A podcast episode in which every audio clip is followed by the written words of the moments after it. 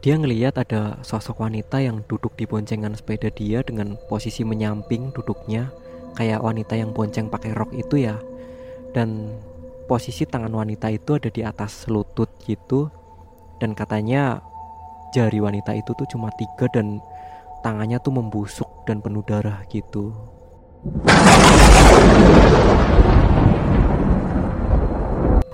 Yo prokonco padha rumono aku duwe carita. Mrono mrene ana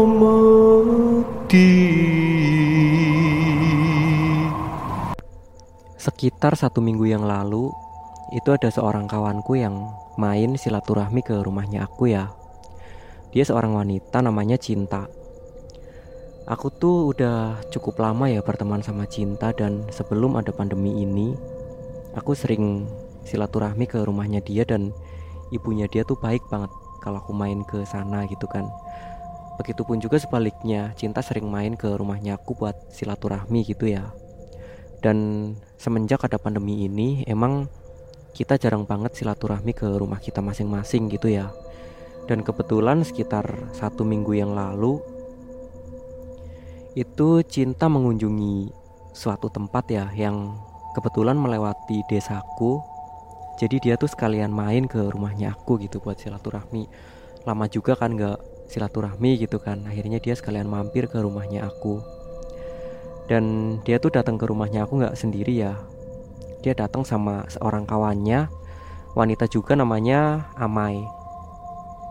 Nah ternyata Amai temennya cinta ini dia tuh bawa satu oleh-oleh ya. Sebuah kisah horor yang sepertinya cukup nikmat kalau aku share kalau aku suguhkan buat teman-teman semua yang lagi dengerin podcast kisah lelembut. Walaupun cerita ini bukan pengalaman dari Amai sendiri ya, tapi pengalaman adiknya Amai. Waktu itu Amai cerita cukup lama ya sama aku. Dia tuh cerita sekitar satu jam lah sama aku gitu. Cerita-cerita tentang kejadian yang dialami sama adiknya ya. Adiknya ini cowok namanya Iqbal. Tapi kalau aku ceritain semua dengan detail gitu, kayaknya tuh durasinya bakalan panjang banget ya. Jadi aku uh, ceritakan intinya aja lah. Sebelumnya Iqbal itu dari kecil bukan seorang anak yang diberi kelebihan buat ngeliat hal-hal yang tak kasat mata ya. Dia tuh seperti anak pada umumnya. Dan semenjak dia masuk pondok, entah kenapa Iqbal juga nggak tahu dan Amai sendiri juga nggak tahu ya. Iqbal tuh jadi sering ngeliat makhluk-makhluk yang tak bisa dilihat oleh mata biasa gitu ya. Kalau emang kita nggak kebetulan diberi kesempatan buat ngeliat gitu atau istilahnya hantu gitulah ya. Jadi pondok pesantren yang Iqbal tempati itu katanya emang tempatnya cukup angker sih ya. Di sana bangunannya katanya menempati tanah bekas pemakaman gitu. Dulunya ya entah beberapa puluh tahun yang lalu katanya tanah itu merupakan pemakaman yang cukup besar gitu. Dan entah apa sebabnya Iqbal tuh jadi sering banget ngelihat hal-hal yang tak kasat mata. Awalnya Iqbal masih baru di pesantren itu ya dan dia tuh lagi nyuci baju. Karena biasa ya anak-anak putra di situ di pondok pesantren itu kalau nyuci baju itu malam ya malam-malam gitu setelah ngaji selesai semua setelah santai gitu malam belajar udah baru mereka tuh pada nyuci baju gitu. Dan tempat cucian itu di belakang tempatnya tuh lumayan gelap ya.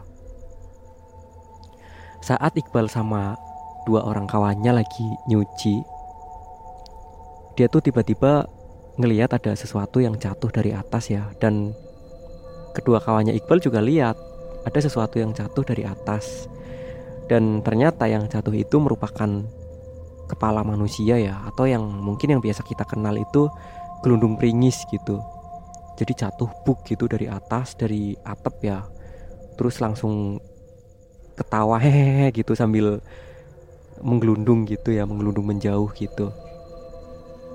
Dan itu merupakan hal yang pertama banget Iqbal lihat. Jadi itu buat yang pertama kalinya ya Iqbal tuh ngelihat makhluk yang kayak gitulah.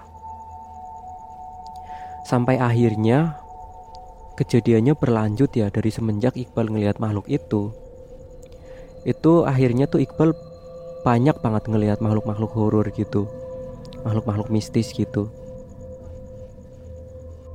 Nah kejadian yang selanjutnya itu dialami sama Iqbal tengah malam ya. Jadi malam itu sekitar jam setengah satu Iqbal kebelet pengen buang air besar. Dia bangunin temennya kan.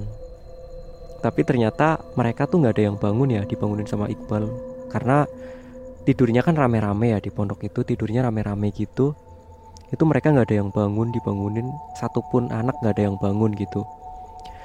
Akhirnya ya karena udah mules banget kan sebenarnya Iqbal cukup takut juga sih ya mengingat angkernya pondok itu gitu ya dia tuh sebenarnya cukup takut tapi ya rasa takut itu dikalahkan sama rasa kebelet pengen buang hajat itu ya. Akhirnya dia pergi ke belakang sendirian kan. Nah kebetulan kamar kecil itu ya kamar mandi itu terletak terpisah dari bangunan utama. Jadi kalau misalnya mau ke kamar mandi itu harus keluar ya melewati area jemuran tempat yang buat jemur pakaian itu ya dan itu ada temboknya sih muter gitu ada temboknya tapi sayangnya tempat itu nggak ada atapnya nggak ada gentengnya gitu ya. Jadi kalau malam apa siang gitu ya langsung bisa ngelihat langit karena emang itu nggak ada gentengnya kan. Dan saat Iqbal buka pintu belakang bangunan utama itu ya sebenarnya dia tuh udah merinding banget. Karena dia tuh sekelebatan ya cuma sekelebat banget. Mungkin sekitar satu detik durasinya dia tuh ngeliat sesuatu yang panjang bentuknya tuh persis banget kayak tangan ya kayak tangan manusia gitu. Kayak potongan tangan itu melayang pas banget di depan dia. Mungkin jaraknya sekitar setengah meter ya dari Iqbal itu.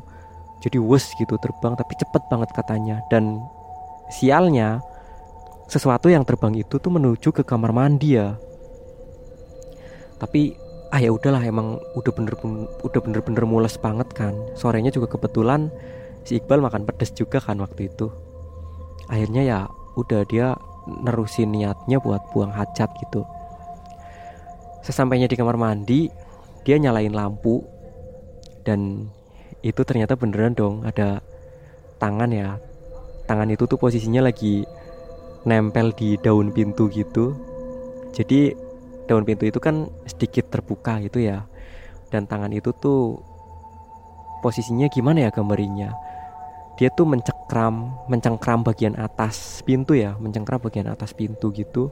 Kayak pegangan gitu tapi di bagian ujung atasnya pintu. Dan Iqbal tuh bener-bener kaget banget ya lihat itu. Tangan itu tuh cuma diem aja. Yang nggak diem sih bergerak-gerak gitu tapi dia tuh nggak posisinya nggak mengancam Iqbal gitu. Tapi kan Iqbal tetap waspada gitu kan. Untungnya di situ tuh kamar mandi ada berapa ya enam kalau nggak salah ya karena itu emang kamar mandi buat rame-rame gitu kan. Itu ada enam di bangunan itu ya. Itu bangunan yang khusus kamar mandi gitu. Ada enam ruangan gitu. Akhirnya Iqbal nyalain lampu kamar mandi yang di sebelahnya kan. Dan saat lampu nyala ternyata sialnya di atas kloset ya itu ada sosok cewek yang lagi jongkok di situ. Sosok wanita itu ya dan katanya mukanya tuh ancur banget penuh pelatung gitu katanya. Ya Iqbal shock banget kan lihat kayak gitu tapi dia kan udah kebelet banget ya udah mules banget. Walaupun kayak gitu rasa mulesnya tuh hilang karena rasa takut gitu ya. Akhirnya rasa mulesnya tuh hilang dan dia tuh langsung lari kembali ke bilik utama ke bangunan utama. Paginya tuh dia cerita sama teman-temannya ya tapi anehnya teman-temannya tuh nggak ada yang percaya gitu. Karena ya mereka tahu sih bangunan pondok itu angker gitu ya. Itu mereka tahu tapi kalau sampai diganggu segitunya itu teman-temannya nggak ada yang pernah mengalami gangguan sampai segitunya gitu ya. Kecuali dua anak yang kebetulan kemarin tuh ngelihat gelundung pringis sama si Iqbal dia kebetulan masih anak baru juga ya di pondok itu dan cuma dua anak itu yang percaya. Nah kejadian yang selanjutnya itu sorenya ya. Sorenya jadi Iqbal biasa kalau sore tuh mengisi waktu luang dengan main bola sama teman-temannya ya. Itu sekitar jam setengah lima kalau nggak salah. Sore itu juga ya Iqbal lagi jalan menuju ke lapangan bareng keempat orang kawannya dan di lapangan udah banyak teman-teman yang nunggu ya. Dan di tengah-tengah jalan tiba-tiba Iqbal tuh denger kayak ada suara cowok yang manggil nama dia ya. Iqbal Iqbal gitu katanya. Ya otomatis denger ada yang manggil Iqbal langsung noleh kan. Tapi keempat orang kawannya itu malah pada bingung ya lihat Iqbal berhenti tiba-tiba terus noleh gitu. Karena mereka tuh sama sekali nggak denger ada siapa pun gitu yang manggil namanya Iqbal gitu kan tapi saat mereka tanya ke Iqbal tuh katanya Iqbal ada yang manggil namanya dia gitu. Dan saat itu Iqbal ngeliat ada sosok cowok ya. Dia tuh pakai baju merah rambutnya disisir rapih gitu. Usianya ya sepantar sama Iqbal lah. Dan sosok cowok itu sama sekali nggak Iqbal kenal ya. Tapi dia tuh tahu namanya Iqbal gitu. Iqbal sempat heran kan. Tapi sosok cowok itu melambaikan tangan ke arah Iqbal ya. Seolah-olah tuh meminta Iqbal buat mendekat gitu. Akhirnya Iqbal lari kan mendekat gitu. Dan teman-temannya semakin heran kan. Karena loh kenapa sih Iqbal? gitu kan. Nyamperin siapa sih dia? gitu. Dan mereka tuh semakin heran lagi ketika ngeliat Iqbal tuh ngomong sendiri gitu. Dan katanya si Iqbal sosok cowok itu tuh meminta Iqbal buat kembali pulang ke bilik ya kembali pulang ke pondok sore ini nggak usah ikut main bola dulu katanya tuh kayak gitu. Dan semenjak diingetin sama cowok itu Iqbal tuh langsung pengen pulang ya perasaannya mendadak nggak enak gitu mau ikut main bola tuh nggak enak gitu. Akhirnya ya oke okay, Iqbal tuh langsung kembali lagi ke empat orang kawannya itu ya yang nungguin di situ. Dan dia tuh ngomong aku nggak bisa ikut main bola gitu sore ini gitu katanya. Aku mau kembali ke bilik aja kembali ke pondok gitu temennya semakin heran kan. Dan saat mereka selesai main bola ya sekitar jam setengah enam itu nggak terlalu sore banget sih sekitar jam lima lah. Nggak sampai jam setengah enam banget ya. Itu mereka langsung tanya ke Iqbal kenapa sih lo tadi ngomong sama siapa sih? gitu kan. Dan Iqbal tuh cerita semuanya ya katanya tuh tadi aja ada sosok cowok berbaju merah gitu yang nyuruh dia buat pulang gitu. Iqbal tuh cerita sama teman-temannya dan ternyata teman-temannya udah tahu ya sosok itu. Itu bukan manusia itu tuh kayak semacam jin gitu ya dan uh, biasanya kalau ada anak yang mau jatuh atau mau apa gitu ya pokoknya mau celaka lah. Biasanya sosok itu tuh selalu ngingetin gitu. Intinya udah hafal gitulah udah hafal dengan sosok itu gitu anak-anak pondok tuh udah hafal gitu. Dan sekitar dua minggu di pondok itu Iqbal pengen pulang ke rumah ya. Akhirnya Iqbal pulang ke rumah dan ternyata nggak cuma di pondok. Iqbal sering ngeliat hal-hal yang horor ya. Di rumah pun Iqbal jadi sering banget ngeliat-ngeliat hal yang mistis gitu. Dia tuh sering banget ngeliat sosok nenek-nenek ya yang masuk ke dalam rumah menembus tembok gitu dia juga sering banget ngeliat sosok pocong katanya ya dan kuntilanak gitu. Dia sering banget ngeliat kayak gitu. Dan malam itu Iqbal tuh pamit sama Amai ya buat pergi ke rumah temennya. Dan rumahnya temennya Iqbal ini nggak terlalu jauh ya dari rumah Iqbal sendiri mungkin sekitar selisih berapa rumah aja tapi itu melewati gerbang desa melewati gapura desa. Biasanya kan desa ada gapuranya ya gapura selamat datang gitu. Nah itu rumahnya temennya itu cuma melewati gapura desa tapi nggak terlalu jauh dari rumah Iqbal gitu. Tapi Iqbal tuh biasa ya kalau ke mana-mana tuh naik sepeda walaupun deket dia tuh naik sepeda gitu kan. Dan malam itu juga Iqbal naik sepeda ya dia tuh pamit dari rumah sekitar jam tujuan gitu habis isya lah jam setengah delapan gitu ya. Dia tuh pamit dari rumah. Dan malam itu Amai itu heran ya karena Iqbal tuh janjinya mau sebentar gitu tapi dia tuh lama banget ditungguin ya karena kebetulan Iqbal tuh malam itu belum makan gitu. Jadi Amai kan nungguin kan. Ibunya juga sampai tidur duluan ya ibu sama bapaknya gitu dan Amai yang nungguin Iqbal kok dia nggak pulang-pulang gitu pintunya mau dikunci juga gitu kan.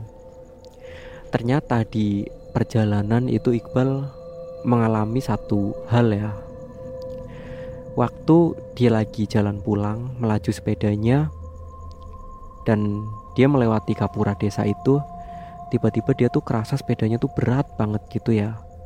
Nah saat dia melirik ke belakang gitu dia udah nebak kan karena kan kerasa ya kalau sepeda ada yang boncengin kan pasti kerasa. Dia udah nebak wah ini ada sesuatu yang bonceng nih gitu. Dan dia tuh ngelirik ke belakang dengan ujung matanya ya kan. Kalau misalnya kita naik sepeda apa motor gitu kan terus uh, kita menoleh dengan ujung mata kita itu itu kan kelihatan ya. Kalau misalnya ada yang bonceng itu kelihatan lututnya kan. Pahanya itu kelihatan pahanya orang yang bonceng kita itu lututnya kan kelihatan kan. Dan saat itu ternyata Iqbal emang bener-bener ngeliat. Dia ngeliat ada sosok wanita yang duduk di boncengan sepeda dia dengan posisi menyamping duduknya kayak wanita yang bonceng pakai rok itu ya. Dan posisi tangan wanita itu ada di atas lutut gitu. Dan katanya jari wanita itu tuh cuma tiga dan tangannya tuh membusuk dan penuh darah gitu. Ngelihat kondisi jari wanita itu Iqbal katanya hampir muntah kan bahkan aroma busuknya sama aroma anyirnya itu juga kecium ya. Kecium sampai apa ya istilahnya itu mengocok perut banget. Iqbal sampai nggak tahan banget kan tapi dia tetap melaju sepedanya.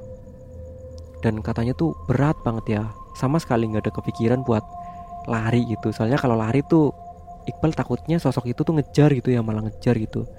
Jadi dia tuh sama sekali nggak kepikiran buat lari ninggalin sepedanya gitu dan yang bikin Iqbal makin heran lagi dari rumah kawannya itu ke rumah Iqbal kan jaraknya nggak terlalu jauh ya.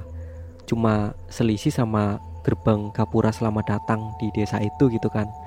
Dan dari gerbang itu juga cuma selisih satu atau dua rumah gitu. Jadi nggak terlalu jauh. Tapi Iqbal tuh pulang dari rumah temennya. Dia pamit dari rumah temennya tuh jam setengah sembilan ya dia tuh nyampe rumah ternyata jam 9 lebih 15 menit. Jadi dia tuh setengah jam lebih perjalanan ya sedekat itu naik sepeda. Ternyata perjalanannya tuh setengah jam lebih gitu. Dia langsung cerita sama si Amai kan.